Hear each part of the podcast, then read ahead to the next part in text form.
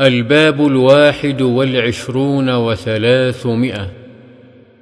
باب النهي عن مخاطبة الفاسق والمبتدع ونحوهما بسيدي ونحوه. عن بريدة رضي الله عنه قال قال رسول الله صلى الله عليه وسلم لا تقولوا للمنافق سيد.